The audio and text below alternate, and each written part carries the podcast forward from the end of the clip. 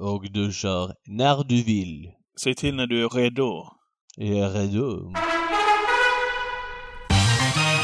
Ska det bli svensk seger eller vad är det frågan om? What the horse, what the driver!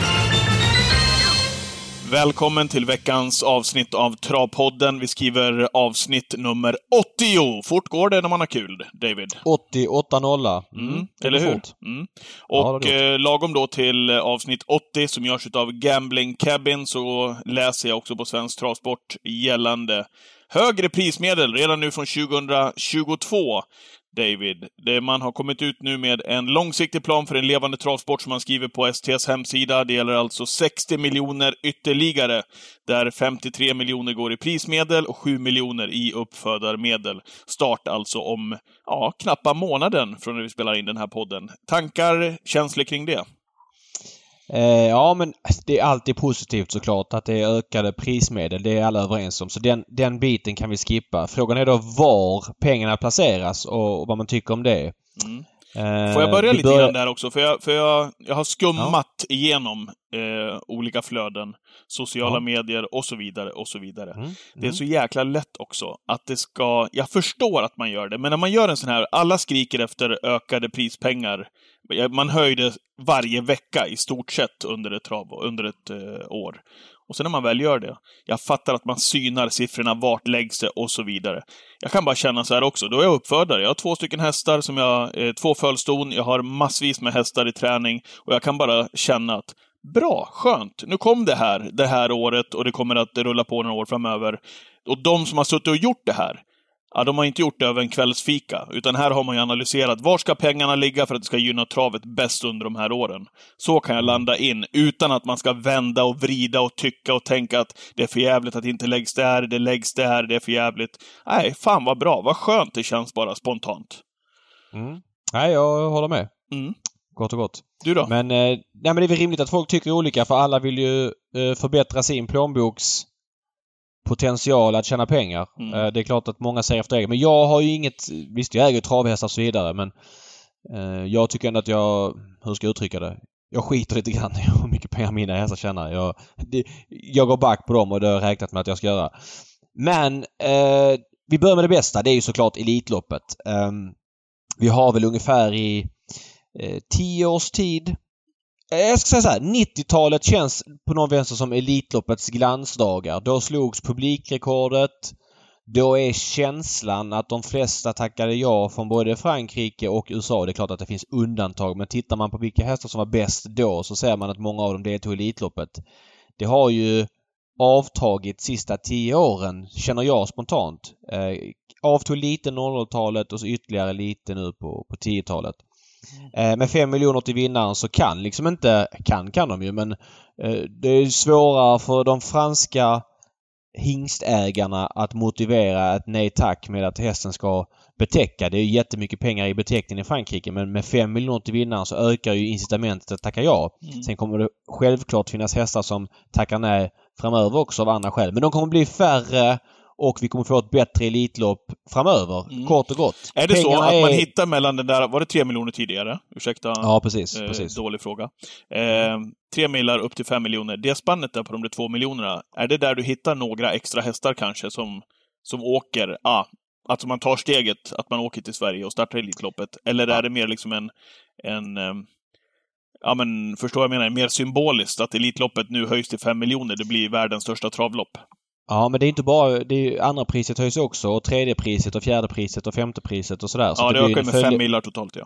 Ja, så det det blir ju en följdeffekt eh, av eh, det där. Och det gör ju såklart att åker du över Atlanten och får gå två tuffa hit och blir fyra så får du mer pengar än vad du fick tidigare. Det blir mer motiverat. Och återigen, alltså Elitloppet är alltså solklar etta och tvåa, trea på listan över saker som är viktiga i svensk travsport. Det är vårt viktigaste fönster utåt. Det är den dagen som får flest icke travintresserade att titta på trav och så vidare. Och kan vi då få de bästa hästarna som kan stå för riktigt häftiga travlopp eh, där det liksom blir, ja men typ Bold Eagle Elitloppsförsöket 2017. Den typen av lopp. Ja men nog fan så kommer travintresset spridas när man får se sådana grejer. Det fattar ju, förstår ju alla som är intresserade av idrott att den prestationen är inte hur bra den är men att den är så bra och när man då ser folk som är intresserade tappa hakan över det så får det liksom ringa på vattnet. Ja. Så att det här är visst, man lägger väl, det är väl 11 miljoner 350 000 tror jag det blir i samlade prispengar i Elitloppet med försök och final. Det blir alltså världens högst doterade sulkylopp. Eh, och det. det är jätteglädjande att det är så. Och det är häftigt och nej, jag ser fram emot många år med Elitloppet där um, där många utländska ekipage inte kan tacka nej. För det har varit så mycket svenskt sista åren Ja, så är det. ja. Det är inget snack om saken. Eh, dock vill jag säga det. Mm. Det kan ju hända så att det blir neddragningar framöver. Eh, I kommande år. Alltså i prispengamässigt. För det här är, vi lever ju i en efterskottsekonomi inom travet. Så det är liksom årets omsättning bäddar för nästa års prispengar. Nu har vi haft den här pandemin. Pandemieffekten börjar liksom ebba ut lite grann. Eh, Vissa spelformer håller i sig, vissa är lägre än innan pandemin. Mm. Skulle det bli besparingar så hoppas jag att man inte rycker Elitloppet för då där får vi verkligen mest för pengarna. Utan jag tror att det finns andra grejer man kan spara in på, tycker jag. Kan jag säga redan nu. Om det blir så. Det är inte säkert att det blir så.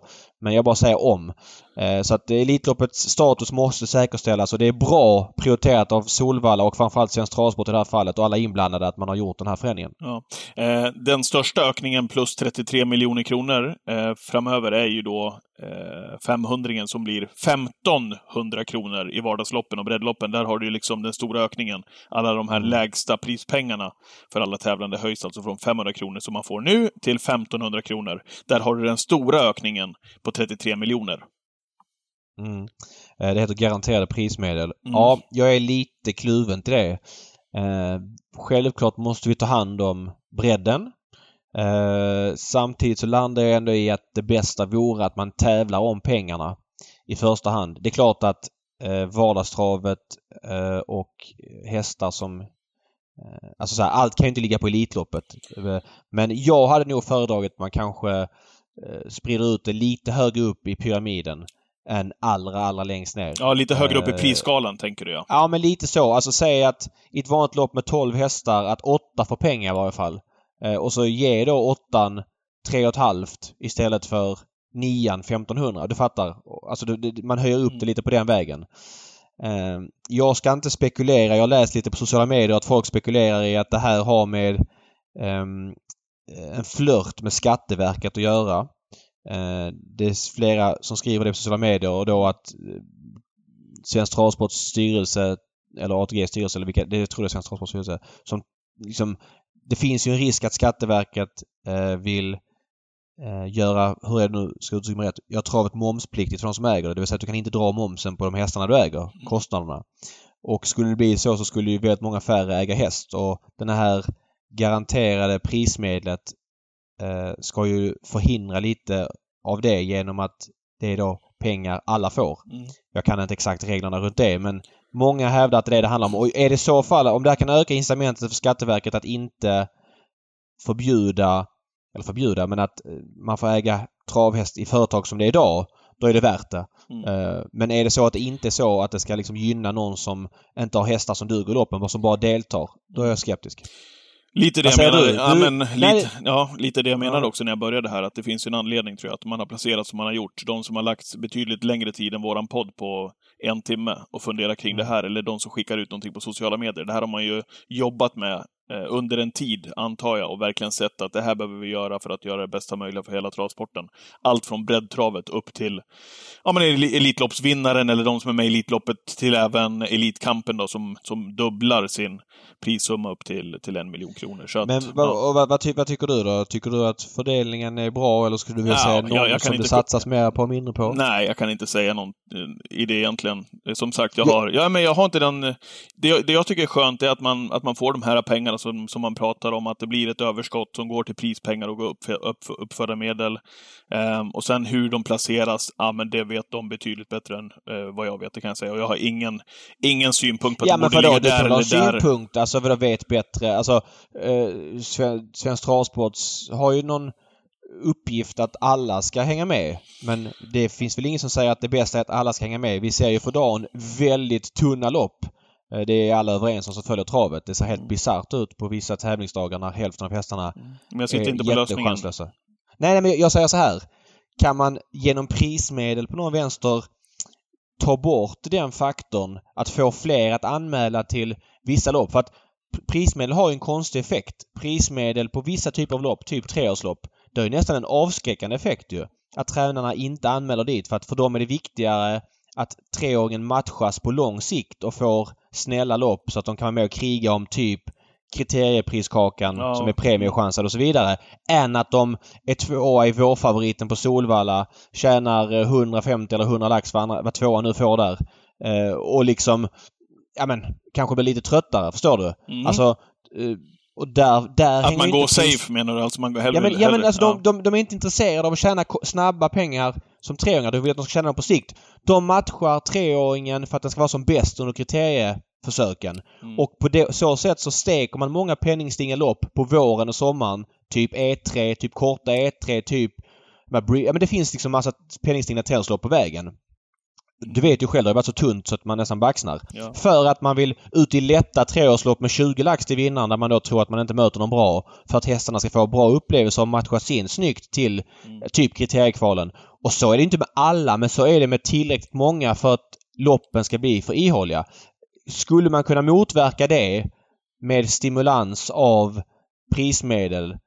Jag vet inte om tvåan och trean ska höjas. Jag, jag säger inte att det är så för det får också incitament att fler kanske är nöjda med ett andra och tredje pris och det blir liksom mindre tävling om prispengarna. Det är heller inte optimalt. Så att, tycker jag man kan ha en åsikt om det här. Absolut. Eh. Jag, tycker bara det är svårt att ha en, att ha en, en fast ståndpunkt Ja, kring det, men- måste jag säga. Jag, Ja, och, och det var är lite grann som vi pratade här med, med Lutfi här för, för ett tag sedan. Alltså har man en, om man säger att du har en okej treåring, eh, Mm. ja men bränna den om man man är ju livrädd varje gång man ser att det är höga prispengar i de här loppen som du pratar om. Man vill ju inte anmäla dit för att man vet att man åker på pumpen och det finns några riktigt bra som kommer ut och så har man en häst med lite grann på gränsen och så går man hellre ut då i och startar i de här loppen. Det kanske är det. Det är också kanske en anledning till det du säger då. Att man liksom Jo, man exakt, går men safe samtidigt- istället för att anmäla här för att man vet att Ja. är det, Nej, är det men- en 300 i första pris, ja men då vet man att nu, nu kommer de stora kanonerna. De vill inte jag möta. Så är det men jag tror inte att ökade prismedel i sådana lopp bakom vinnaren är lösningen för då får du fler hästar som bara deltar. Du vill ju få hästar som tävlar. Eh, och, och, och visst, eh, har på stora streckspel? Att det finns liksom lopp ett på Gävle en tisdag i mars. Ja, det behöver inte bli världens race utan det är kanske ett matchningslopp. Men på stora streckspel är det ju för många lopp där för många deltar. Det är ju ett problem överlag. Mm. Eh, så att, ja. Jag vet inte om prismedel kanske ställer det. Jag vill bara säga en sak. Hästar som, är under, som får underbetalt för vad de gör på travbanorna. Det är ju V75-hästar, framförallt klass 1, brons och silver. De hästarna gör ju väldigt ofta några djävulska prestationer. Det är väldigt tuffa klasser på V75. V75 omsätter mellan 85 och 100 miljoner utan jackpot en, en runda. Och de hästarna blir ju underbetalda sett till vilken prestation de gör. Titta i nu i lördags eh, bronsfinalen, silverfinalen, Admiral As, alltså klass 1-finalen. De hästarna tjänar 200, 220, 250 lax men får gå eh, tuffa prestationer mot, mot tuffa hästar. Om man justerar prispengarna eh, i de loppen, vilket jag tycker att man borde göra nästa gång om det kommer mer pengar, eller de borde Mm. höjas upp. Då måste man också ändra klasserna för vi måste ju också ha ett rimligt sätt att en häst går ur klasserna när de har tjänat men, eh, en viss summa liksom så att det blir, Ja. man hamnar i rätt klass snabbare. Eh, Jag tycker att det där ser ganska bra ut idag vill jag säga men det är inte bara att höja prispengarna i de V75-loppen och ha kvar nuvarande klassgränser utan då måste man ju se om hela den paketeringen så att V75-loppen blir eh, ja, men, frestande för de ekipagen att tävla i för det är fortfarande prio ett. Ja. Det vill jag bara ha sagt. Sen, sen, sen var det väl, om jag ska ha någon, någon åsikt, så Elitkampen med en miljon är det första pris. Där, eh, om vi nu pratar att vi kanske kan få några marginalhästar av den här världseliten eh, till Elitloppet i och med den här ökningen då till, till fem miljoner i första pris. I, I kallbloden kommer du inte få den effekten, punkt slut. Det är ju mer en symbol, symbolisk grej mot kallblodssporten, mot de aktiva där med satsning på upp, uppfödning, avel och så vidare. Att man också höjer det finaste loppet man har eh, i Sverige då, på kallblodssidan. Men du får ju liksom inte någon extra bra häst för att du höjer upp till en miljon från 500 000. Eh, skillnaden då mot Elitloppet, till exempel. Så den är lite, lite mer Det det förvånad får- kanske. fin- Finns, finns inte en häst som kommer nu för att det är en miljon till vinnaren. Däremot symboliskt, absolut, att ett kallblodslopp kan ha miljonpengar att tävla om. Mm. Så därför så kan jag inte protestera mot det alls överhuvudtaget. Nej. Så att, eh, ja, det är en symbolisk grej. Jag köper det fullt ut. Mm. Eh, är du, är du, vill du stänga eh, den boken för nu? eh, Ja, det känns så. vad gäller prismedlen för 2022. Ja. Det gör V75 förra veckan. ehm, och även inför V75 förra fredagen. Vi kan väl börja med fredagen där. Det var ju en snackis där. Vi pratade ju också om det loppet i förra veckans podd, det fina fyraåringsloppet på, på Solvalla på fredagen, där Hans-Ove Sundbergs Selected News vann. Det blev en snackis, det ska vi prata om såklart, men också Per Nordström som gick på pumpen med Örnas Prins och eftersurret kring det. Jag hörde en intervju med Per Nordström. Hörde du den förresten efter, Ja, efter loppet? ja. Eh, han fick ju då eh, intervjumikrofonen till sig när han körde av banan med Önaspin Prins var fly förbannad över att hästarna då hade fått väntat eh, att starta eh, i och med att det var fördröjning hos oss på Romme. Vi hade ju en hel del omstarter hos oss och vi hade till och med ett materialfel och så fick de vänta lite extra. Nu skickade man ju iväg V6460 i alla fall innan det att vi hade kört i mål eh, vårat Ja. V64 5. Eh, det var inte optimalt ur den synpunkten, men inte heller optimalt då för hästarna eh, på Solvalla. Vad, vad känner du kring det här? Ja, men jag känner väldigt mycket. Jag vill dela upp det i olika steg. Först och främst Per Nordströms steg med Örnas Prins. Att han får vänta på banan på grund av Express. Det är ju jättedåligt. Det är inte alls bra. Eller vänta med defilera. Om det är påverkade så är det jätteilla. Och eh, stora lopp ska inte köras med eh, i expressspel. Jag kör på att ATG testar det här V64 Sa du det förresten Express. förra veckan? Eller? Du var inne på det, va? Ja, ja, jag har sagt ja, det tidigare. Ja, Jag sa det förra veckan. Jag tycker att det det är jättespännande att ATG testar V64 Express på fredagar eftersom det går runt på många banor. Jag vet att Romme och Kalmar är lite extra drabbade för de har haft fredag som lite huvuddag. Men jag tycker ändå att eh, det är färre som drabbas än när Solvalla varje vecka kör på onsdagarna. Det är det ena av det hela. Eh, däremot ska ju inte stordagar som nu Solvalla Grand Prix med 300 000 till vinnaren. De loppen ska ju inte ligga på ett sånt här eh, expressspel. Man hinner inte ta hand om loppen men framförallt nu blev det så att loppen, inte, loppen gick samtidigt. Dagens dubbel 1 och dagens dubbel 2 gick samtidigt för att bli omstarter. Örnas Prins kanske kunde inte förberedas optimalt och det är inte bra när det är 300 000 till vinnaren. Så att det är ett jättefiasko. Jag förstår att ATG inte helt plötsligt en vecka... Ja men nästa vecka kör vi inte Express för då eh, är det storlopp och så säger spelstoppet 19.30 som normalt. Och det är många som bommar spelstopp och det är omsättningshämmande. ja. Men man måste ju ha en plan. När man kom på att köra V64 Express, det beslutet togs i somras. Då måste man ha en plan. Okej, vi kollar kalendern. Oj, här har vi en dag med stora lopp. Här måste vi tänka till lite grann. Eh, och det är ju oacceptabelt att ett storlopp som Solvalla Grand Prix inte går live ATG Live utan eftersänds. Okej. Superflopp rakt upp. Men, Men- vänta, ja. jag är inte klar än. Mm. Eh, omsättningsmässigt var det här en jätteflopp också. V64 Express har gjort en höjning av omsättningen på V64 på fredagar. Dels att det går fort och dels att spelstoppet är senare. Bra så. Mm.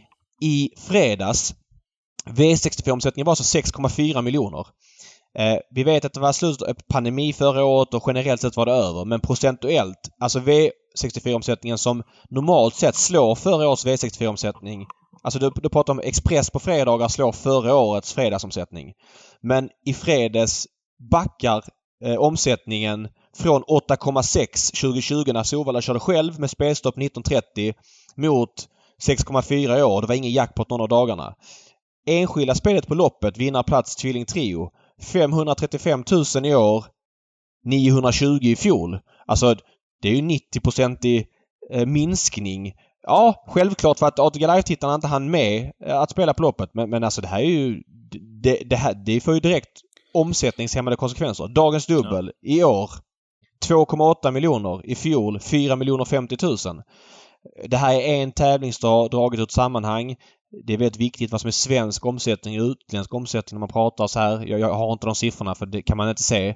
Men helt klart att eh, storlopp gärna får köras utan Express så man kan ta hand om loppen ordentligt. Det är det första jag vill prata. Det andra jag vill säga om Per Nordström är att han skyller på banan också. Där tycker han har fel. Eh, visst, banan kanske var hård och det var många som sa att banan var hård. Jag snackade med Jeppsson, han sa också att banan var hård. Jag hörde någon i någon intervju som sa att banan var var, hård. det var minusgrader och snö. Det är svårt att Ja, det var liksom eh, första riktigt kalla dagen i Stockholm. Eh, det är ju så så här år så... Men ja, Per Nordström, vad gick Örnas Prins med för balans? Ja. Eh, jag ska bara dubbelkolla så jag inte Bara säger fel runt om gick han. Ja, barfota runt om. Det är inte liksom en mänsklig rättighet att köra barfota. Är det hård bana, då får du på skor i så fall. Vi hörde Daniel Wäjersten i Eller brodd, lördag som körde barfota med Gunnar eh, och, och, och sa att det är mitt egna beslut. Så i, i, när det gäller banan så tycker han har fel. Eh, visst, den kanske var hård och det är den när det är minusgrader. Det går inte att ha optimal bana. Men väntan, om det var så att det liksom stressar upp hästen eller något sånt. Det är två olika saker. Får jag återkomma där till Daniel Wäjersten också innan jag bara ska gå in en kortis här på, på Express-tävlandet. Eh, mm. När han säger så, så tycker jag det är ju verkligen huvudet på spiken och så otroligt sällan man hör eh, kuskarna säga så, eller travtränarna för den delen också, eh, efter det att eh, loppen har körts och man skyller gärna på banan. Eh, han, han drog väl parallell där med skidåkarna, att det, det är upp till valla-teamet att valla utefter hur snön är. Är den lös? Är den, är den hård? Och så vidare. Det är väl precis den uppgiften som travtränarna har, är det inte det? Så det, är det. det är väl inte heller en, en mänsklig rättighet heller att starta hästarna om man nu tycker att banan är knallhård, till exempel. Om man nu tror att det eh, kommer påverka hästen. Ja, inte barfota i varje fall. Alltså, nej, men, men väl, i så fall får du väl slå på skor och brodd eller också ja, inte starta. Jag, jag, nej, nej. Det, det, är för vanligt att man hör kuskarna gnäller att det är så uselt av barnskötarna. Ja. Garanterat att de gör sitt bästa och de eh, säkert i en del fall skulle kunna gjort på något annat sätt också med facit i hand. Givetvis. Men då får man väl valla efter det. Då får du väl sätta i brodd i bakskorna eller vad, vad du nu vill göra. Nej, jag håller med helt och hållet. Alltså, det är klart att vissa banor passar vissa hästar sämre. Och då får vi leva med att de aktiva sa ja, ah, han fungerade inte på den här banan. Men min andra häst i nästa lopp, Kalle Kula, han bryr sig mindre. Ja, men du fattar. Mm. Uh, det, men det är liksom en fråga. Att, att skylla på banan i det här läget, jag tycker det blir också lite plumpt. Sen så tycker jag det är kul att Per Nordström visar känslor efter loppet och, och säger vad han känner. Ja, alltså, det, allting kan inte vara att alla gör en 10 av 10 intervju som Wäjersten gör på lördagen. Alltså det är ju bra på ett annat sätt ju. Ja, men det, det, här är, det här är en 10 av 10 intervju i det andra ja, perspektivet tycker jag. Precis. Och det är helt underbart Exakt. också att man gör intervjun direkt efter att han kör banan också så han slipper Ja men för TVs skull. Alltså det är en TV-intervju rakt upp och ner. Eh, mm. och många säger så ja, men låt han landa. Nej, men det är helt underbart att få känslorna ibland direkt efteråt. Ja, ja, ja. absolut ingenting om att Per Nordström eh, nej, nej. säger som han gör. Men jag kan tycka många gånger att det borde landa in hos tränaren och kusken att valla efter förhållandena. Ja men så är det. Eh, och jag menar, vi har minusgrader i Sverige på vintern och väldigt kallt vissa dagar. Menar, det är inte parkett då och då får man acceptera att banan är som den är. Mm. Eh, det jag skulle återkomma till vad gäller Express-tävlingarna där också. När man vet, precis som du säger, överhuvudtaget på lång tid nu att nu kommer vi köra Express på fredagarna. Eh, då, då borde du kunna skriva autostartsproppar också, för då undviker du också ja, men, tre omstarter som det blev nu, eller fyra. Du borde kunna liksom göra det rent generellt. Hitta de propparna med autostart, om det är spårtrappor eller vad det nu kan vara för att få in så många hästar som möjligt. Men du borde kunna, du borde kunna lösa det på det viset för att undvika att det ska bli så här också. Ja, jag kan hålla med dig i sak. Sen samtidigt kan jag tycka att det blir för enformigt med för mycket autostart. På, på onsdagarna till exempel när det är V86, eh, ja, sax mellan två olika banor. Då, då är det, behövs det något voltstartslopp för att loppen blir lite för förutsägbara med auto. Eh, lite för många lopp blir lite för liksom stereotypa tycker jag. Eh, voltstart med hästar med flera olika volter är en krydda. Men sen är inte det eh, expresskompatibelt. Så är det bara. Nej. Så att, eh, ja. Jag vet inte vad jag ska svara på just den grejen. Jag kan hålla med dig i sak helt och hållet men vad V64-utdelningen varit nu med Express? Eh, fem, sex veckor har man kört eller sju kanske. Mm. Då har det varit liksom jackpot på, på, på fyrorna typ varje vecka utom en. Så att ja, ska man då köra fler autostartslopp som kanske gör det ännu mer favoritbetonat ja då går det fel åt det hållet. Mm. Nu är det ett litet, litet sample vill jag säga så jag dissar inte Express av den anledningen för det är nästan jackpot på, på fyrorna varje dag på V64 var den går. Men ja, voltstart är ju startform som höjer osäkerhetsfaktorn ja. och är lite mer ja, chansbetonad. Lördagens tävlingar, V75 på Solvalla. Du var på plats. Ja, du mådde, måste du säga mådde, det. Mådde du gott? Ja, det var en riktigt eh, grym tävlingsdag. Eh, sportsligt, det tävlades i loppen. Det var bra med folk på Solvalla. Ja, hur var så i, i upplevelsen på Nej, super, superstämning. Ja. Jättebra stämning, fullt blås. Sen var det ju eh, många som upplevde att det var lite sämre service. Så här är det ju att eh, det har ju varit till och från på travbanorna i hundra år. Det är ingen nyhet. Men till Solvallas försvar så är det tydligen så här att inom servicebranschen så har alltså 25% av all personal bara försvunnit sedan pandemin. Eh, förmodligen har sökt sig till andra jobb och så vidare för att restaurangerna hade tufft en period. Och det verkar vara väldigt svårt att få tillbaka servicepersonal och det är många orutinerade som jobbar och så vidare. Och det här medförde då att det var många som fick vänta på sin beställning.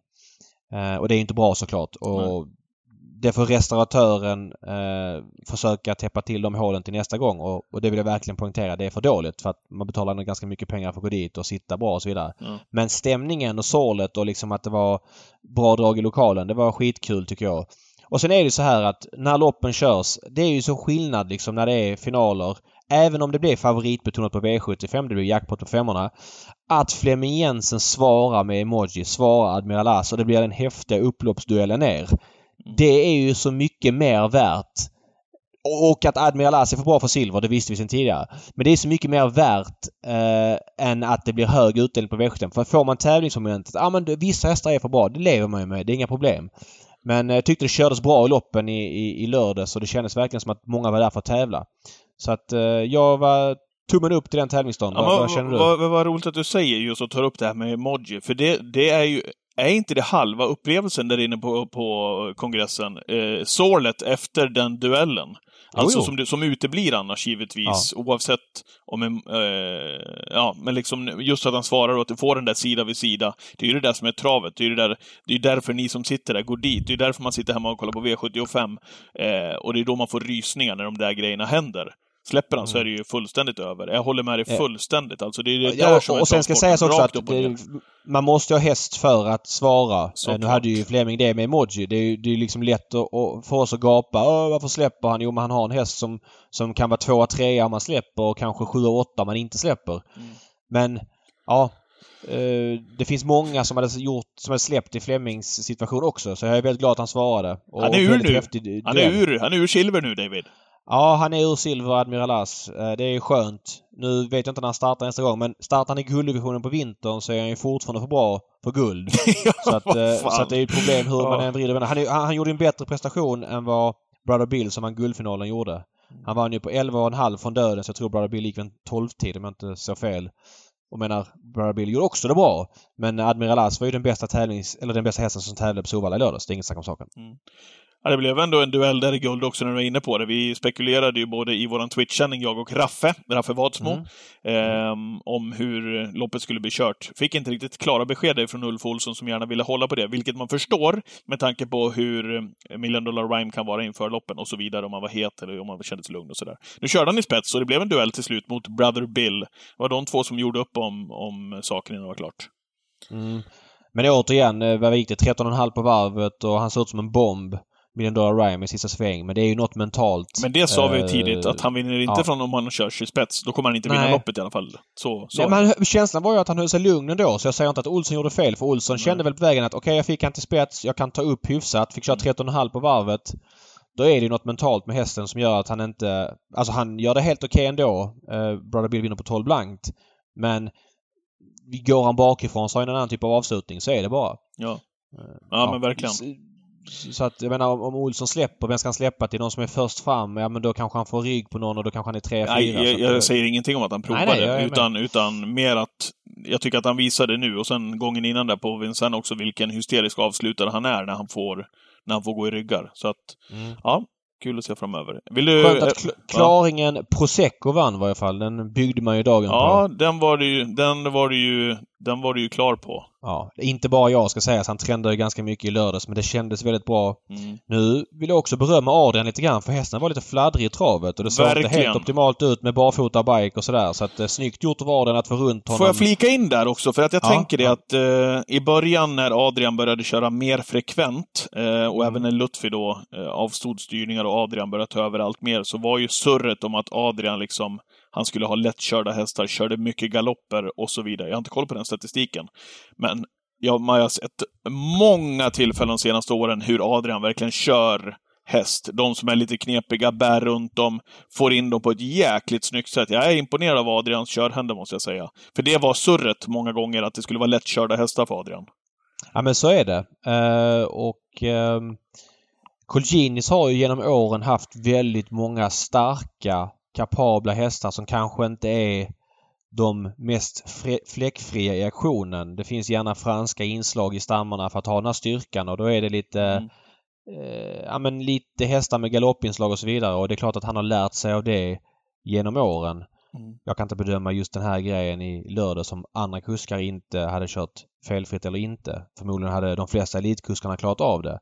Men återigen, det går inte att ta för givet att alla, att alla gör det. Och, jag var lite orolig när man såg att han fladdrade med travet sådär. Uh, nu fick hästen ett bra lopp. Fick han gå först i tredje spår en sväng och var bara bäst. Men, ja, men en liten eloge till Adam som liksom höll honom uh, på bettet hela vägen så att han kunde ja, och hålla honom i trav liksom. Mm. Att, ja. innan, innan vi stänger den omgången David, kortis om uh, Melby Free. Hon passerade över 10 miljoner intjänat. Melby Free alltså! Över 10 miljoner! Känn mm. på den. Det är uh, ruggiga siffror. Ja, om man var rätt ute med Prosecco så var man fel ute med Melby Free. hon fick ändå köra 11,5 på varvet och ja, höll undan på ett, på ett bra sätt. Hon har ju fått liknande lopp många gånger mot ston och, och packat ihop sista 50, sista 100 och nu så stod hon pall eh, hela vägen. Kanske att motståndarna var någon var klenare än väntat och så vidare. Kalle Smart lite klenare kanske även Hevin Boko som kördes offensivt men eh, ingen skugga över henne. Nej, och det skulle han göra. Det, berätt, det sa ju Mika också. Han var ju tydlig med ja. det, att han skulle skicka. Så att, mm. Mm. Ja, precis. Känslan är lite konstig skickning. Jag tycker att hon går... Hon har inte visat att hon är liksom en dödens häst, Hevin Boko. Uh, det är min känsla. Men... Nu, nu är du på Mika igen. Ja, lite grann är jag. Lite, jag tyckte han hade en bra position där han satt. Eh, känner jag som inte vill ha Mebbe Free spelmässigt då. Men häftigt att hon klev över 10 miljoner. Nu sa de då att karriären var över. Björn sa dock i intervjun efter att han öppnade för att oj vad fin hon var idag. Ja. Kanske att vi tävlar på lite grann extra. Jag vet inte. Man hade laddat för den här uppgiften också. Körde med skor senast och så vidare. Så att eh, jag har sånt som händer att man har fel ibland. Men all eloge till hästen och, och kretsen runt hästen. Mm. Har du något mer innan vi går in på veckans eh, gäst som ska bli spännande den här veckan tycker jag? Som vanligt i och för sig, men det här är ju en av travsportens stora män. Mm, ja, nej. Eh, det skulle vara, jag vet inte, spelmässigt i lördags. Jag gick eh, vad hade man där? Jag, jag sätter något system med um, ja, Gaylord Am i, i V757. Uh, jag satt ett ja. Mm. Men uh, Gaylord Am hade gärna fått vinna V757 för då tror jag inte det blir jackpot på femmorna. Mm. Tror jag. jag. Jag är inte säker men eller kanske det hade blivit ändå i och för sig. Han var väldigt bra, eh, Gaylord Am, men det räckte inte. Äh, Fick en tuff löpning. Ja. ja. Ska jag säga någonting om V86 igår då? Ja, om du vill. Eh, travbärare på spel och lekkontoret eh, som spelar med oss, han satte ett system. Eh, jag tror han spelar för strax under 4000. Ruggigt snygga spikar! Han spikar Innovation Love i V86 7 Mm. Och vem spikar med? Han spikade en annan ruskigt snygg häst också. Jag måste, måste ta det bara för att han spikade Optimum Bank Robber, Kenneth Hauga, 28 procenten i V86.4. Hade således garderat den stora favoriten i V86.3, Blues Wind. Mm. Men eh, ja, det blev okej betalt ändå. Eh, mm. För travbärra. Själv var man halvkall igår och hade satt den med Twig Caesar men det blev ett jävla drag på den så där var man, fick man kliva av inför V86 8. Och så vill jag bara säga det att... Nej, du, V86... tänker på, du tänker inte på Twig Caesar, du tänker på Twigs Honor. Det är Twigs Honor, honor mm, förlåt. Mm, mm. Eh, sen är det ju så att eh, ihåliga V86-spelet som det varit nu i ett års tid blev ju inte bättre av att det var snöstorm på ja, Göteborgsregionen eh, med många strykningar såklart. Det blev mer rumpugget så att eh, det blev sisådär ja. totalt sett. Jag klev av på Quantum Rock som fick ny tag med Hanna, körde galopp. Du får gärna gå in och titta på loppet igen och eh, så ja, får du fundera på om du tror Quantum Rock förlorade loppet om Hanna hade kört felfritt. Men det är om. Men, det är bara om. Det är ja. om. Mm. kan du titta på det loppet igen eh, Eh, och bildar en uppfattning. Bra! Ska vi kasta oss över? Kan du inte bara liksom med din, innan vi går på veckans gäst, eh, så som du liksom har fått följa hans karriär och ifrån sidan och även när du jobbade i tv-branschen, som producent och mycket annat. Hur, eh, hur skulle du vilja presentera veckans gäst i podden?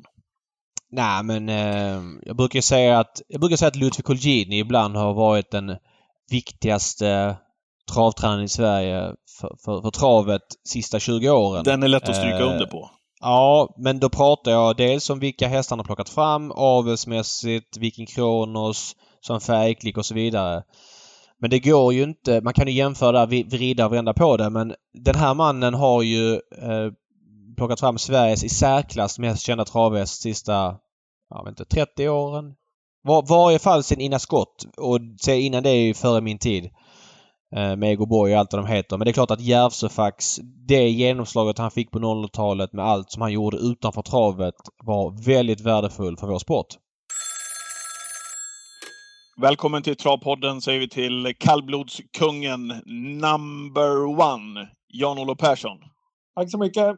Ville du höra det där igen också, presentationen? För, du, för, det var för du sa ju det innan vi körde igång eh, podden här när David sa att du får, du får ge oss allt du vet om kallblodsloppet senare eh, vad gäller V75 nu på lördag. Du måste ju vara Sveriges bästa kallblodstippare. Då, då hörde ja. du inte riktigt. Du vill gärna ha det igen. Jag dåligt då så jag ville att du skulle upprepa det en gång. Så. Det kan du göra. Ja, det står jag för. Det står jag för. Ja. Ja, det är, ja, det är bra. Ja, är allt bra med dig, Janne? Ja då, för fasiken. Det är bra i Hudik. Ja. Hur ser vardagen ut numera? Tränar, tränar häst hela förmiddagarna och, och klarar vi inte av alla på förmiddagen så tar vi eftermiddagen. Det hjälper. Okej. Okay. Men, eh, nej då, men det brukar gå bra. Barnförhållandena är, är bra så att det, ja, så här långt har det varit fint. Annars är ju november, november är väl lite tungt vet du, men det är det väl för alla. Ja. Du har 95 hästar på listan. Är det 95 kallblod du har? Ja. Ja, det är helt sjukt. Ja. Du, visst hade du en derbyfinalist ett år, alltså eh, travderbyt eh, från spår 12? Titan? Ja, Titan eh, Gold. Han var femma. Ja. I, i, i, Men, på Jägers. Är det, ja. är det sista eh, varmblodet du har haft? Nej, jag har haft någon efter det också, men ja. inte så många. Men skulle ju gärna, ja, skulle gärna kunna haft någon unghäst som jag fick forma från början. Det skulle vara spännande, några stycken. Okej, okay, så det, det, är slumpen, det är inte medvetet att du inte har varmblod? Nej, det är det väl inte, men samtidigt har jag väl inte gjort så mycket för att uh, få in några heller. Utan så. Nej, det är väl bara att åka till någon auktion och köpa en häst annars som du la in ja, nu. jag får göra det. Ja. ja. Du, eh, innan vi går vidare här, det kom ju, vi pratade om det här tidigare i podden eh, innan du var med. Eh, eh, Elitkampens första pris höjs till en miljon kronor från och med nästa år. Vad säger du om det? Ja, det var jättebra och, och det bästa var ju att jag skulle få retro, retroaktivt ifrån 03 eller något sånt där.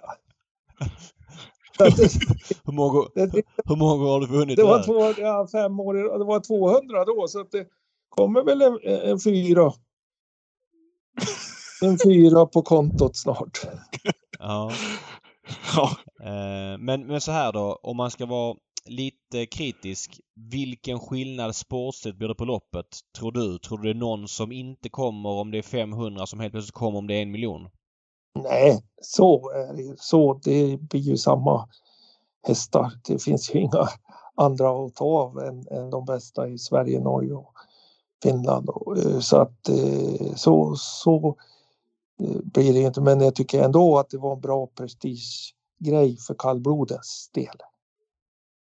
Ja, det är svårt att argumentera emot när prispengar höjs. Sen kan man mm. alltid tycka var de ska ligga. Men det är väl häftigt att vi får ett kallblodslopp med en, ett miljonlopp helt enkelt. Ja. Det hade ju ändå varit revolutionerande om, om, om du hade sagt något annat Jan-Olof som har, vad sa du, 95 kallblod på listan och, och, inte tyckte att det var bra. Ja, ja. ja. Nej, men det tycker jag. Så det, det, ja, men det tycker jag. Jättebra. Du har kört in 10,7 miljoner hittills i år. Eh, du slår för fjolårets siffror som var 9 miljoner. Innan det 11,9. Innan det 15,2. Vad säger du om år 2021? Jo, men det är bra. Då, det är klart nu när vi körde in 15. Det, ju, det var ju ett helt fantastiskt år och vann 150 lopp eller något sånt där. Men ja, kör man in över 10 miljoner och är stationerad med kallblod i Hudiksvall då. Äh, det må man vara nöjd med. Mm. Vad var det där? 15,2 miljoner. Hjälp mig lite grann där. Vad var det som... Var det, var det någon, några hästar där speciellt? Ja, vi vann fyra eh, klassiska lopp, va? kriterie och derby. Eh, okay. I Sverige och Norge. Och så, eh, ja, Elitkampen vann vi på Lome Brage. Just det, han var hos dig där mm. En, en, fråga där som jag tycker är intressant som jag tänker mycket på. Inom varmblodsporten så är det ju ofta så att de som vinner kriteriet derbyt de gör sig ganska ofta gällande som äldre. Men inom kallblodssporten så är det ju väldigt sällan, upplever, upplever jag det som, att kriterier och derbyvinnaren är med och slåss tidigt som, som äldre utan det är liksom lite andra hästar som, som slåss som äldre. Vad säger du om det resonemanget? Ja, men det har väl varit lite så nu på sista åren här de sista tio åren kanske, att eh, de här som har varit bra, riktiga unghäststjärnor och som sagt vunnit kriterier och derby och sånt där har haft lite tufft att komma sig till eh, i yppersta eliten som, som äldre. Så att, eh, jag vet inte, det är någonting vi får ta med oss och titta lite på över eh, tävlandet för eh, kallblods eh, unghästar här om man ska utforma det på något annat vis kanske. Mm. Vad gör du för analys av det då? Du, jag gissar att du har tänkt runt om det redan? Jo då, det har jag, men det får vi väl ta ett senare tillfälle.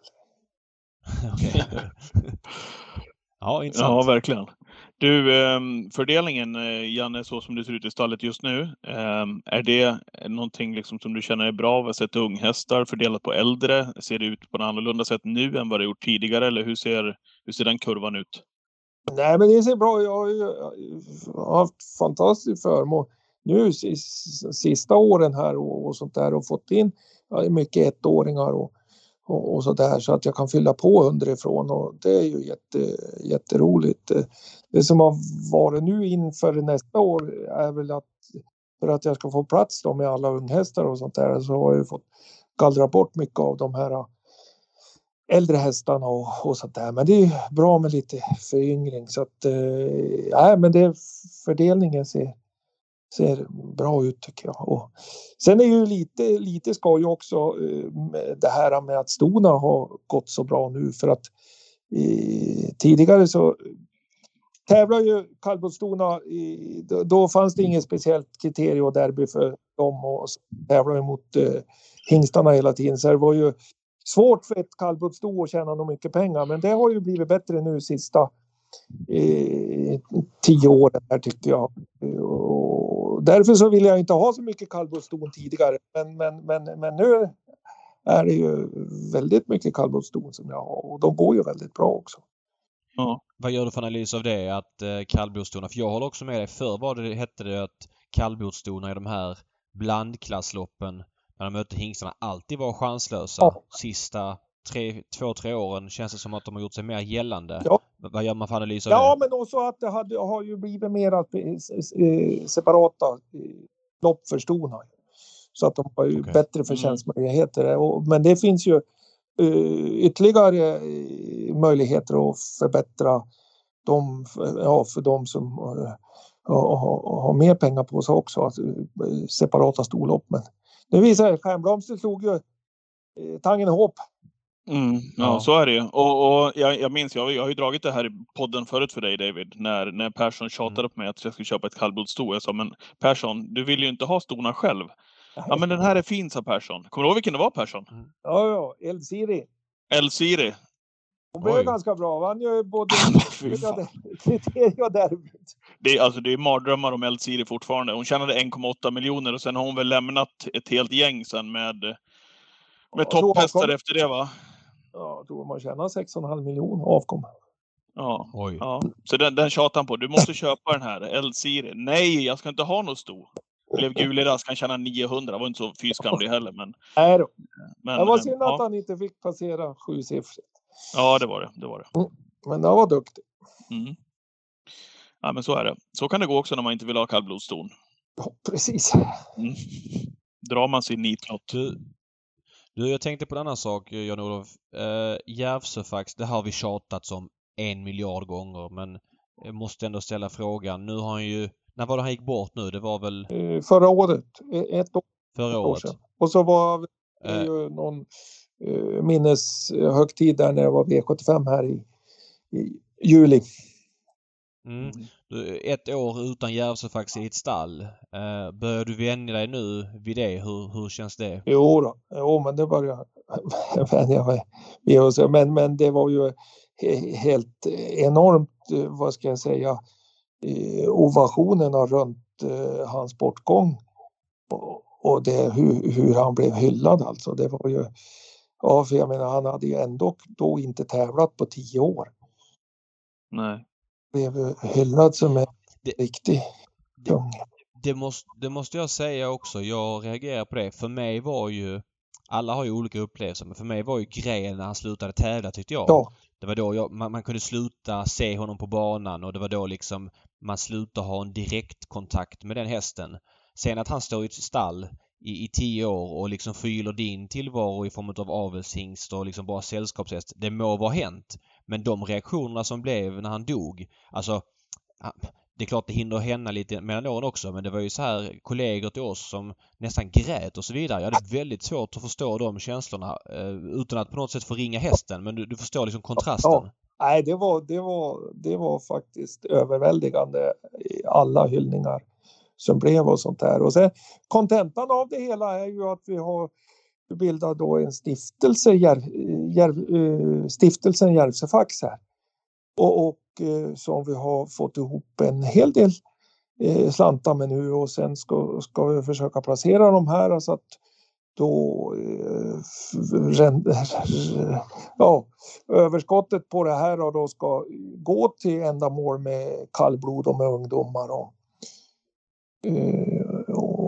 så att Järvsefax kommer ju att leva vidare. Mm. Ja. Du, du har ju svarat på den här frågan 2000 gånger ändå, Janne. Eh, men och det, det blir lite så här ja, men klyschigt säkert. Men vad, i det stora hela, om man bara tar det för dig som person, som privatperson, eh, vad betyder han för dig?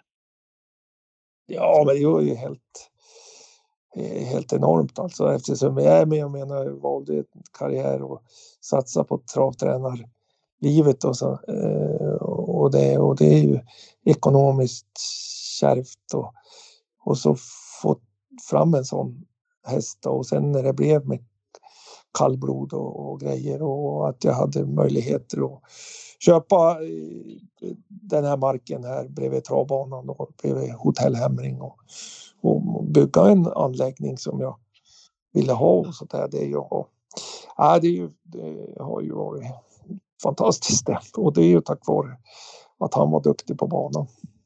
Mm. Hur många ston betäckte han totalt innan det var klart? Han fick, han, han, det är svårt att räkna in de där nor, norska avkommorna men jag skulle tro att han ligger mellan, han är någonstans på 1000-1100 avkommor. Och vad tog ni vid levande föl för honom? Ja. Nej men vi var ju eh, väldigt lämpliga på han. Jag tror han började med 2 plus 12 eller något sånt där men sen så ökar det väl två. Men han kostar nog som mest 2 plus 18.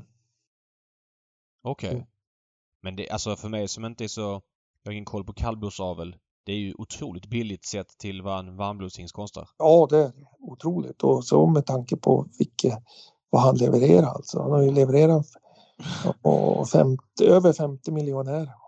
Så är det ju, men alltså ja, 2 plus 18 och få den bästa som finns. Jag mm. menar 2 plus 18 på varmbloden David, då får du någon någon halvmedioker som man knappt vet är avelshingst. 2 plus 18, då får du en som är vaggla Typ. Ja. ja. Ja, men så, är, ja, men så är det ju. En annan sak jag alltid undrar på med kallblodstävlande det är ju så här att när du om du tittar på en tävlingsdag så är det ju Eh, oftast varmblodslopp. Eh, för dig som är så kallblodsinriktad så är det ju ofta det är kanske ett, två lopp som, som är kallblodslopp under en tävlingsdag.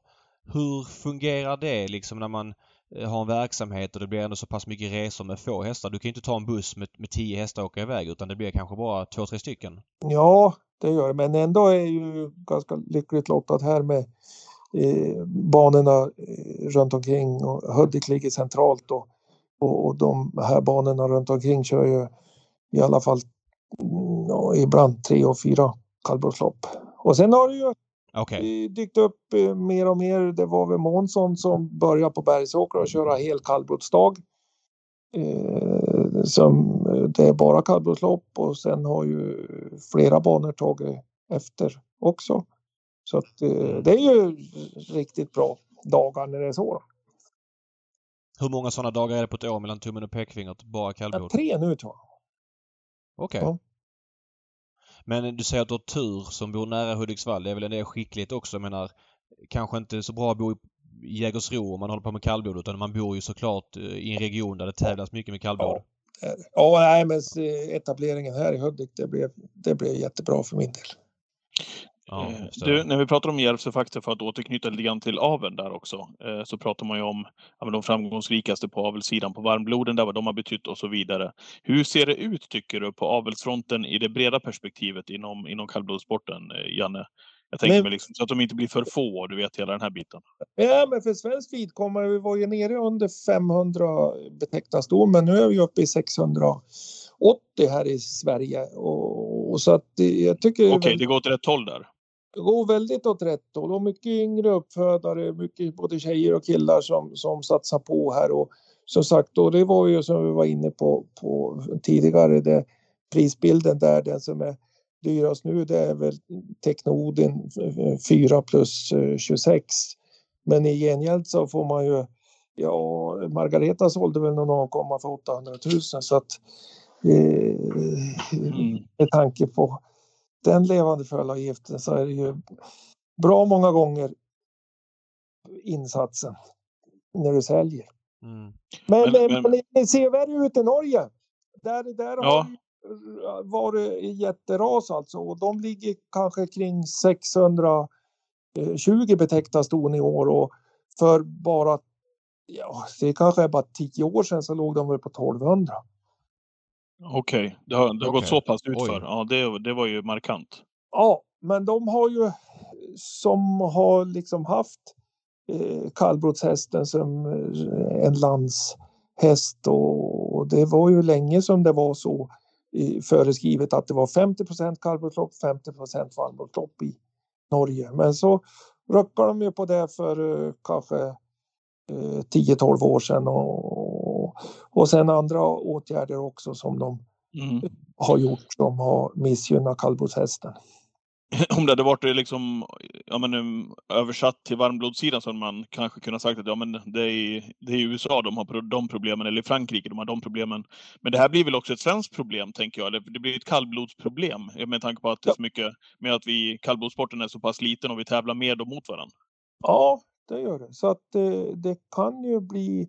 Risken är ju att, att det blir färre tävlingshästar på, på banan. Det var man ju rädd i, i Sverige då när, när eller beteckningssiffrorna gick ner och, och sånt där. Men sen visar det sig att de som har stått på och sånt där, de har ju varit mera produktiva och levererat spelpjäser ute på, på banan än, eh, än de som slutar. Och det var väl de som kanske födde upp för ja, för att de ville föda upp en häst. Men, eh, ja. men, ja.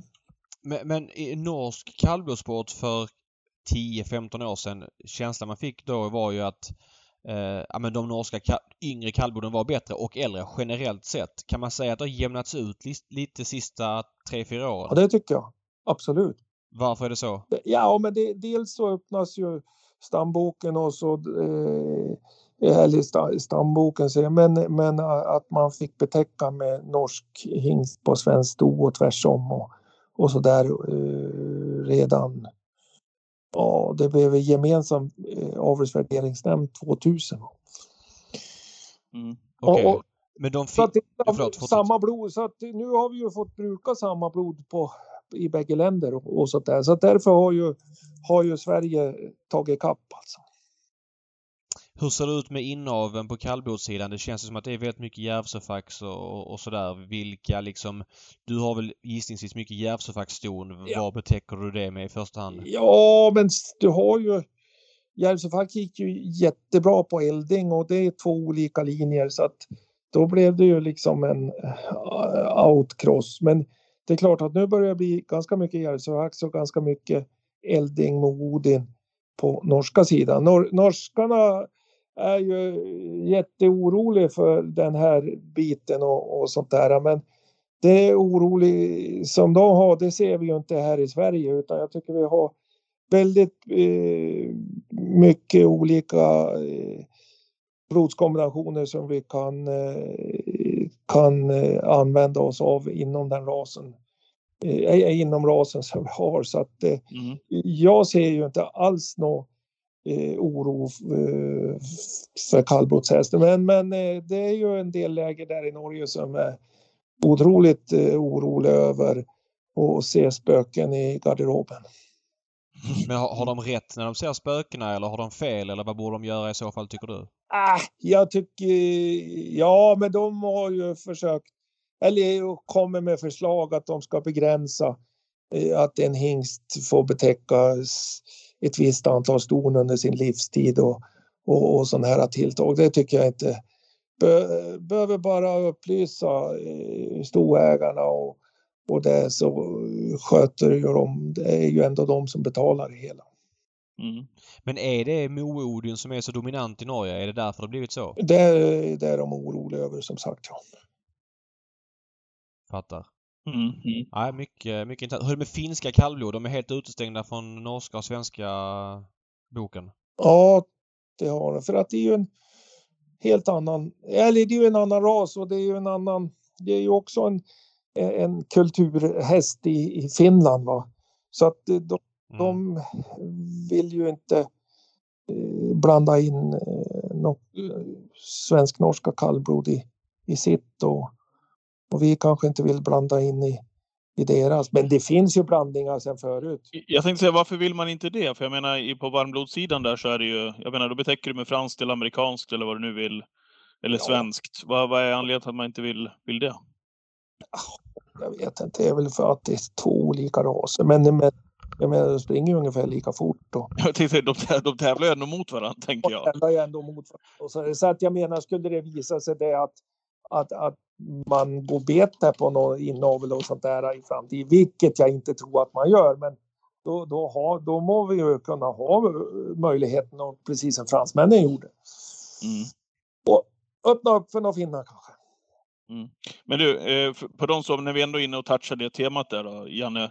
När, när, när till exempel Wesker kom till Sverige och alla på Solvalla, fullsatt Solvalla Elitloppshelg, stod som, som frågetecken när, när han kom och visslade runt och alla bara, ah, men det, det där är ju inget kallblod.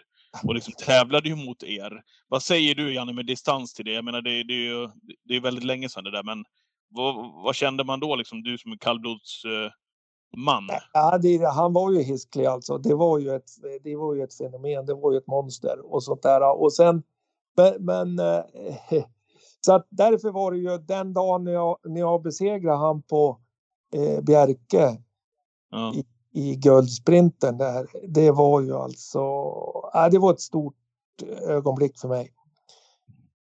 Eh, Ja, jag, jag förstår det. Ja, det var det. Och, och norrmännen hade ju hela tiden svårt att acceptera att Järvsöfax var bästa kallblodshästen som var då. Och, och, eh, men då i segerintervjun då sa, då sa de ju det. Ja Persson, nu har du den bästa kallblodshästen. Ja. Och så var det. Ja, så var det. Nej, men då be- besegrade Weiskere och, så gjorde jag. Jag slog han också i, uppe på Leangen där i, Mm. eh, ett avdelningslopp. Så att, eh, ja, det, var, det, det säger ju lite om hur bra Järvsöfax var. Ja. Och, och, och Järvsöfax, han såg ju också ut som ett kallblod. Det gjorde ju inte Ja. Wesker riktigt, eller hur? Alltså om du förstår vad jag menar. Liksom Ja, ja, modellmässigt var ju. Ja. Nej, jag fattar. Du, eh, eh, hur ser du på um, din egen verksamhet nu jämfört med under, under eh, ja, men, guldtiden med, med Järvsöfax och alla de åren du har haft nu? Hur ser du på karriären idag kontra tidigare och så vidare? Ja, men den tog ju lite fart efter när Järvsöfax slutade tävla 2010. Ja, Sen, eh, sen har vi ju blivit bara bättre tycker jag. ja. Men känner du liksom samma, du känner samma geist och engagemang liksom och för, för travsporten överhuvudtaget. Vi pratade med Colgini här, Lutfi här för eh, var det förra veckan? Eller två veckor sedan kanske. Eh, två, veckor veckor sedan. Och frågade samma sak. Liksom. Och då sa han, ja men det är, det är hästarna man brinner för. Det är det, här, det är det här man vill. Engagemanget finns för hästen där hela tiden. Hur känner du kring det? Jo, vi är ju lika gamla, va? 59, det var en riktigt många. Mm, De säger, det var 56 när var grymma. 59 tror jag att stå vassare. exakt. 56. Inom travet var det Ja, fan, ja. exakt. Gyllene årgången i travet, 59. Ja. Ja, det tror jag. Men ja, Eh, nej, men, eh, ja, men det är ju, man har ju levt med det här med, ja, det, det, man är ju, det är ju något fel alltså på en som engagerar sig som man gör och har gjort under hela livet. Men det, eh, ja, men det är ju kärleken till hästarna. Ja, men du känner liksom när, du, när du går upp, även som du sa här i början på samtalet, att nu när det är höst och vinter och det där, du känner ändå liksom samma driv fortfarande. Det är imponerande i så fall. Ja, det, men sen är ju roligt, det som är lite roligt nu då när man kommer upp här är ju att man får jobba med i, unga människor och, och sånt där. Alltså man håller, försöker hålla sig eh, ung själv. Nej, men man... Ja, det där ska man nog inte, eh, det ska man nog inte förakta, tror jag. Nej, och sen, ja men sen är det ju roligt att se, se nu, jag menar som när jag har Mats eh, Djuse som kör mycket åt mig nu då. Och Ja, hjälper till i, i stallet också, men nu hinner, nu hinner han ju inte så mycket. Men har faktiskt gått Belfax idag. Mhm. Det tycker jag är strångt. Jaha, Han Oj. sköter skoningen på den. oj då. Han hinner med det, ja. Ja, ja det är Ja. bra gjort att köra 1500 lopp. ja. Men hur, hur ser hans uppdrag ut åt dig? Visst är, vi hade honom för ja, några månader sedan. Han sa att han är på halvtid hos dig va? Ja, det var han nog i AI från början. Då, då, men då kunde man ju inte eh, tro att karriären han skulle ta sån här eh, fart som den har gjort. Inte utan för att tanken var ju att han eh, skulle jobba lite på förmiddagarna och så åka iväg och köra trav på kvällarna. Och, Varför och, trodde du inte det då, Janne? Liksom så, Jo, ärligt. på... Ja, men det, det kunde väl varken han eller jag tro att det skulle eh, bära iväg så här redan. Vi, vi, jag menar, pojken är ju bara 23 år. Ja. Ja, Han är duktig pojken. mycket. Mm. Men hur, hur påverkar det ditt stall att han inte kan vara med som han eh, var tilltänkt att göra? Är det ett problem eller ni, ni anpassar er efter Det det? har vi anpassat efter och- Ja. och sånt där. Och sen nu har jag ju en annan eh, kille som är jätteduktig, eh, heter Magnus Liljus. Okej. Skor och, skor och hjälper till och, och, och, tränar och sådär. Och så, tank, tanke, ja, och på det viset har ju jag kunnat dra ner på löpkörningen och sånt där. Nu, nu har vi fler än två hästar, då måste jag köra lastbilen så då är det att jag kör lite när jag ändå är där då. Men, men Jag tänkte säga, du- ja, vadå, du kör väl ändå en del själv också när, när det tillfälle Ja. ges? men Ja, inte, det är så, klart. inte så mycket som sagt. Och, Du har kört mycket mer i år än i fjol och vunnit mycket mer. Ja, Är det en jag har slump? gjort det. Ja, jag vet inte. Jag, jag, det, svack, svacka i fjol höll jag på att säga. Jag kom, Okej.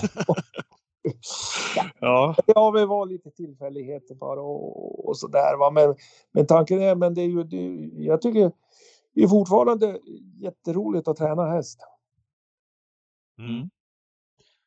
Hur ser framtidsutsikten ut där? Vad, vad känner du att du har i dig? Eh, Nej, Men tanken är vi pratar år. att jag ska eh, för, försöka eh, leda in de här ungdomarna på, på det här då, så att de kan ta över. Och så har jag ju en dotter som heter Mm. Emelinda som har kört fyll, är 15 nu och, och fyller 16 nästa år och får börja köra stor häst. Och har ju varit väldigt framgångsrik med ponnykörningen här. mm. Ja, vad kul. Hur, hur är hennes intresse för travet? Det är stort då alltså? Ja, det är stort.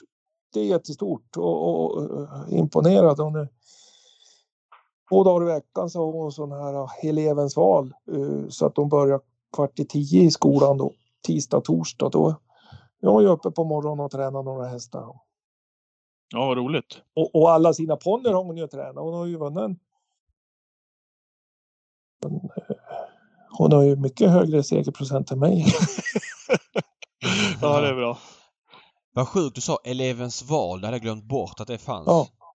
Det är, Där man själv snöbollskrig i någon närliggande park på elevens val medans... Ja, Ja. det var lite olika vägar i livet. ja.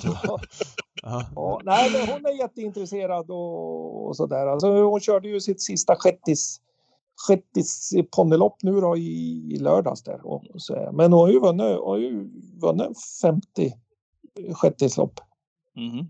plus Jo, eh, Ja. 10 röstlopp. ja, kul. Det är skoj. Ehm, vi tänkte prata V75 på lördag på Bergsåker. Som vi sa i inledningen av snacket här så jag tycker att du, när du säger någonting i en intervju så har ju reportrarna lärt sig att du kan även uttala dig om andra kallblod för att du verkar vara en kallblodskonsument som ingen annan och du har ju väldigt bra koll på andra kallblod. Hur kommer det sig? Är det bara ett intresse eller? Ja, men det är intresse och så, och så kör jag ju emot dem ofta och sånt där och så Mm. ser man ju. Eh, ja, men man ser ju om det är någon häst som är bra eller inte. Mm. Ja precis. Eh, och V754 på lördag är ett kallblodslopp. Du kan ju först prata om din egen häst. Du har ju Belfax som... Ja, nu är det ju lite omsatt men han blir väl favorit eller andrahandare. Vad är känslan runt honom för dagen och ser du på den uppgiften? Jo, men det ser bra. Hästen känns, har ju varit väldigt fin författning nu i, i, i några månader här och trots att han är 11 år så har han väl kanske aldrig varit bättre. Så att eh, så långt ser det väl bra ut, men det är ju en, det är ju en tuff uppgift med 40 meters tillägg. Bland annat så står han ju 20 meters tillägg på några som man kanske möter från samma start emellanåt. Mm. Okej, okay, vilka tänker du på då? Ja, sist då Gule Roy som var tvåa efter han. Han står 20 meter före. Han gick ju faktiskt bra. Jättebra sist utvändigt om honom. Det var ju nästan så att jag fick nästan torskfeeling. Jag spikade ju det där. Jag berättade för David tidigare att Belfax var klar där mm. eh, i, i det loppet. Så jag var orolig där när Gule Roy kom. Ja, han är bra. Det är en väldigt bra häst som sagt när han är frisk. Så att det, det där och sen är jag som eh, båt har Gorm. Riktigt duktig häst. Ja. Han är ju speciell. Han ser ut som ett varmblod bitvis. Ja, och han är ju väldigt speedy och sådär. Alltså det, eh, som båt sa, ibland, ibland kan det nog vara lite eh, lätt att köra lite för fort någon bit i loppet så att man blir stum. Men, mm. Mm. Eh, ja, riktigt, riktigt bra häst. Men du, och, eh, Belfax där, du körde ju honom i spets sist. Eh, och han liksom, precis som vi sa här, han höll undan för Guleroy. Är feelingen att han är bättre bakifrån? Om man inte får gå ja, i spets? Det, jo, ja, det, är den känslan man får i alla fall. Ja. ja han har ju inte gått i ledningen så många gånger heller. Nej, nej. Men, så, så, nej, men jag tycker han är, han är bättre bakifrån. Nu, nu blir det ju ett uh, rygglopp får vi hoppas. Men det är ju någon av oss som måste ge sig iväg bakifrån den också. Mm -hmm. Ja, du har ju Grislodin GL på, på, samma volt och den har du mött 150 gånger höll jag på att säga, men i princip i varje start i ditt liv. Och den hästen var jättedålig senast. Hur var banan den dagen på Bergsåker? Var den lite, den var, lite speciell? Ja, den var, ja, det var den. Så att det är säkert många som inte eh, tyckte att banunderlaget var, var något bra att springa i. Det var, ja, det var jobbigt. Det var jobbigt. Kommer du gå på Grizzly-Odin igen, David? Jag vet inte, men äh, vet nu, det är 15 minus och hakar som gäller på, på lördag. Hur, hur funkar det för din häst? Det går bra. Och har du någon känsla hur det funkar för någon av de övriga, typ Grizzly-Odin som då kanske inte funkar senast? Men det tror jag väl. Det är en sån, det är väl kanske han då, Filip, S, han har ju gått barfota.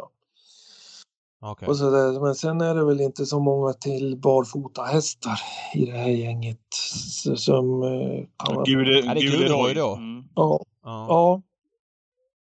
Det, är så... det, det, det är ett minus. Ja, det kan ju vara lite minus. Men vilka av övriga, om du känner spontant när du ser startlistan, ehm, är du mest rädd för eller tror du blir segerkandidater om man får säga så? Nej, men det är väl... Jag går med ju klart på uppåtgång. Det Teknojärven om man skulle få till det är ju han kanske, kanske är överlägsen om man skulle ha en bra... Om man skulle... Men du, du som ser Teknojärven, springspår på honom, vad, vad säger du? Ja, men jag tror att det, det kan vara plus åt honom. Så att han får... Nu har han ju en utvändigt om sig, men jag menar han kan komma sig ja, han kan få en bättre eh, avgång på loppet än, än om man har spår 1, 2 eller 3. Så mm. det är ju, och den, han är ju kapacitetsmässigt är ju han, han våldsam. Okej, okay. han är nummer ett i loppet, inget snack eller? Nej, tycker jag. Ja. ja. Mycket intressant. Och så går Belfax. Och så Belfax, ja. ja. Hade du något mer på V75 där David, kring den avdelningen? Jag hade en avslutande fråga till Janne också. Nej, jag har inte mer. Jag har fått, eh, jag har fått Jannes rank nu. Jag känner mig nöjd med det, ja. tack. Hur, hur ser den absoluta um, kallblodstoppen ut nu om du skulle ranka eh, kallblodseliten just nu, Janne, av hästarna? Hur, hur ser det ut? Ja, men han är ju överlägsen etta, Mån eh. Ja. Fin häst. Jättefin häst. Eh, så att, är han överlägsen etta tycker du? Ja, det är han. Mm. Sen har vi Ja, Stjärnblomster två. Oj, Oj! Det var... tycker du det på riktigt? Ja, hon slog ju Tangenhop om, om jag sätter han som trea då. Ja. Snyggt! En blomster tvåa, Tangenhop trea. Ja. Där har vi kallblodseliten. Ja. Det är inte riktigt eh, som det var för eh, ett gäng år sedan. Jag, jag måste fråga där, apropå Järvsöfax och hans söner.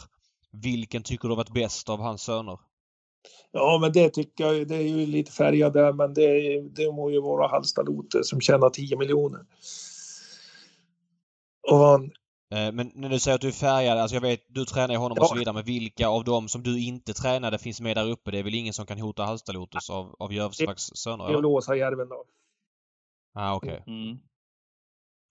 Ja, då är det häftigt ändå. Faxen Junior 4 miljoner, Järvsörappen. Sen hade du Stamping, eh, V75-profilen på 3,2 miljoner. Oj, oj, vilka hästar här bakom alltså. Ja, om man kollar på vilk, vad han har lämnat. Vet du, så att det, det saknar man ju lite, årgångarna med han. Men, men eh, av hans söner, vilka, nu har jag dålig koll spontant, men vilka har varit mest framträdande i aveln tycker du? Det är ju ing- det är ju, tyvärr, det är ju ingen som har gjort riktigt avstamp på det. I, i, visserligen då Åsajärven lämnar Landem Silje. Det, det är inte så dåligt. Va? Eh, Nej. Är du förvånad över det, Janne?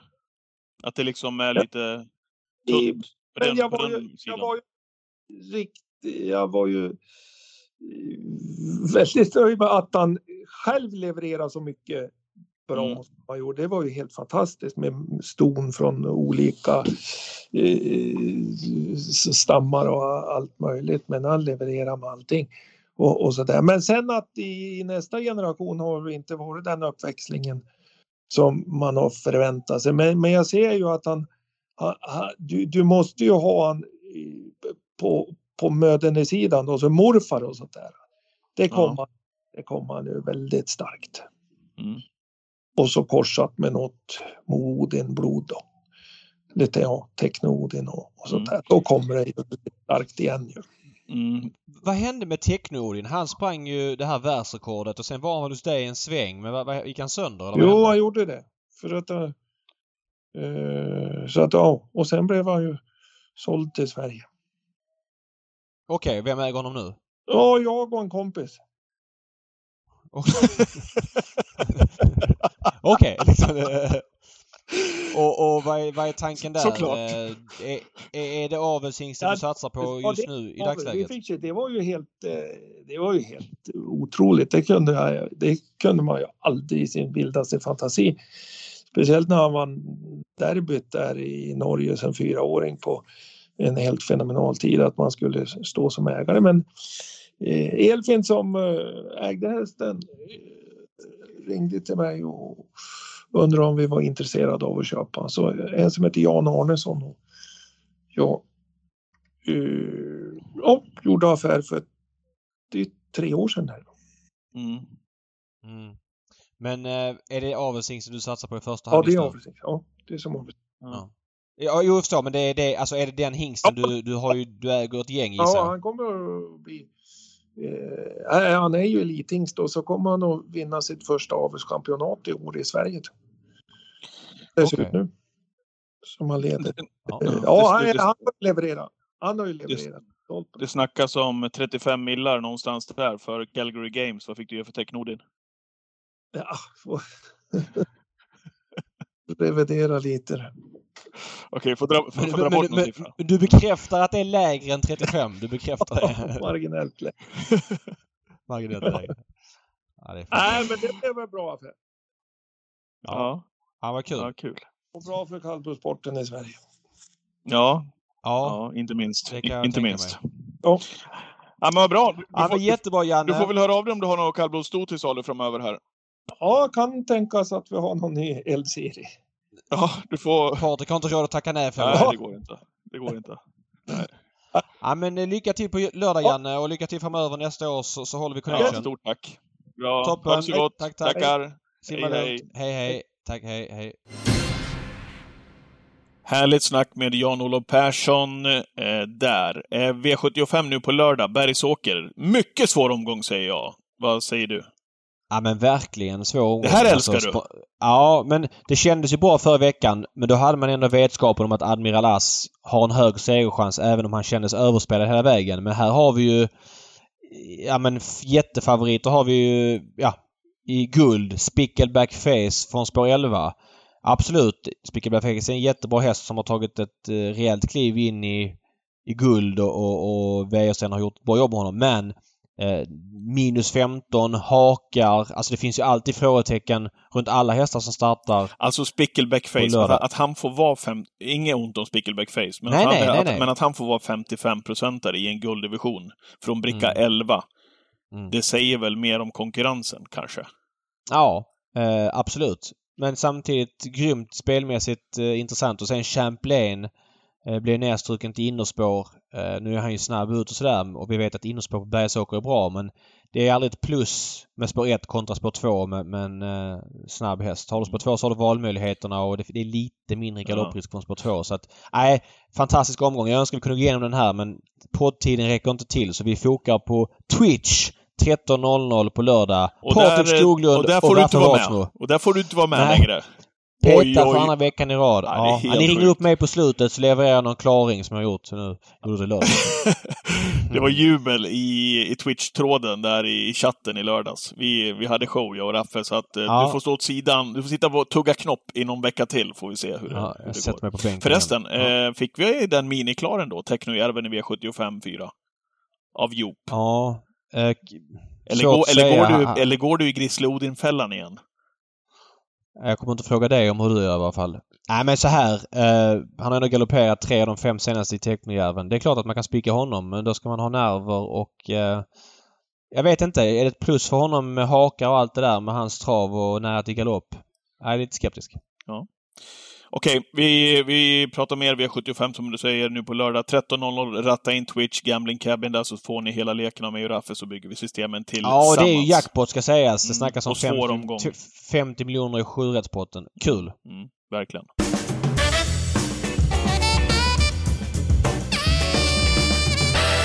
Det där var vignetten det för veckans hiss och diss. Det känner ni igen och eftersom du har varit dissare i den här podden så många gånger, David, så byter vi roll idag, tänker jag. Ja, då blir jag hissare. Mm. Och eh, det är inte så kul att hissa grejer som man har pratat om i programmet men jag måste ändå betona hur bra beslutet är att höja prispengarna i Elitloppet från och med 2022. Vi har ju i många år fått höra att ah, men vi siktar på nästa år istället och sanningen ska ju fram. Det är klart att pandemin har gjort sitt och Elitloppet har haft två tuffa år utan publik. Dels förra året utan publik helt och hållet. Sen 2021 med bara folk inomhus. Och jag menar, Ja, det finns en risk att nästa år när man kör publik att det bara skulle vara 14-15 000 där om det är så att fältet hade sett ut som sista åren. Självklart har pandemin gjort sitt med ekipage som har kommit från utlandet eller som inte har kommit. Men det har varit mycket svenska hästar och det är inte det som drar folk på ett Elitlopp. Inget ont om dem men det är ju de internationella stjärnorna och de matcherna vi vill se. Och med höjda prispengar så får färre chansen att, eller risken att utländska ekipage tackar nej Ja. eh, minskar. Chansen ökar till att se de här. Jag är jätteglad över det. Så att det jag, vill, jag vill, kan inte nog betona hur bra det där är. Nej, Bra gjort av alla inblandade. Ja, ja. Men jag vill lägga till en sak till. Oj! Är det dubbelhiss på gång? En dubbelhiss på gång. ja Oj, men i fredags. Eh, Hans-Ove Sundberg avslutar sin tränarkarriär med att sälja ut Selected News som 30 plus-oddsare i Solvalla Grand Prix. Och självklart fick han avsluta sin travtränarkarriär med en seger. Ja, och, och, och Eh, inte i, i vilket lopp som helst alltså. Nej, och i- inte vilket lopp som helst. Så otroligt välregisserat. Eh, hela grejen. Vilken hedersman. Alltså menar, det är alltid så att det blir superlativ när folk antingen dör eller lägger av och så vidare. Men eh, jag har aldrig hört Hans-Ove liksom gnälla och verka omtyckt av allt och alla. Alla, alla människor har sin USP. Eh, Men Hans-Ove Sundberg är verkligen en hederssnubbe som jag aldrig har, i princip, jag känner inte honom men jag har aldrig snackat med honom live.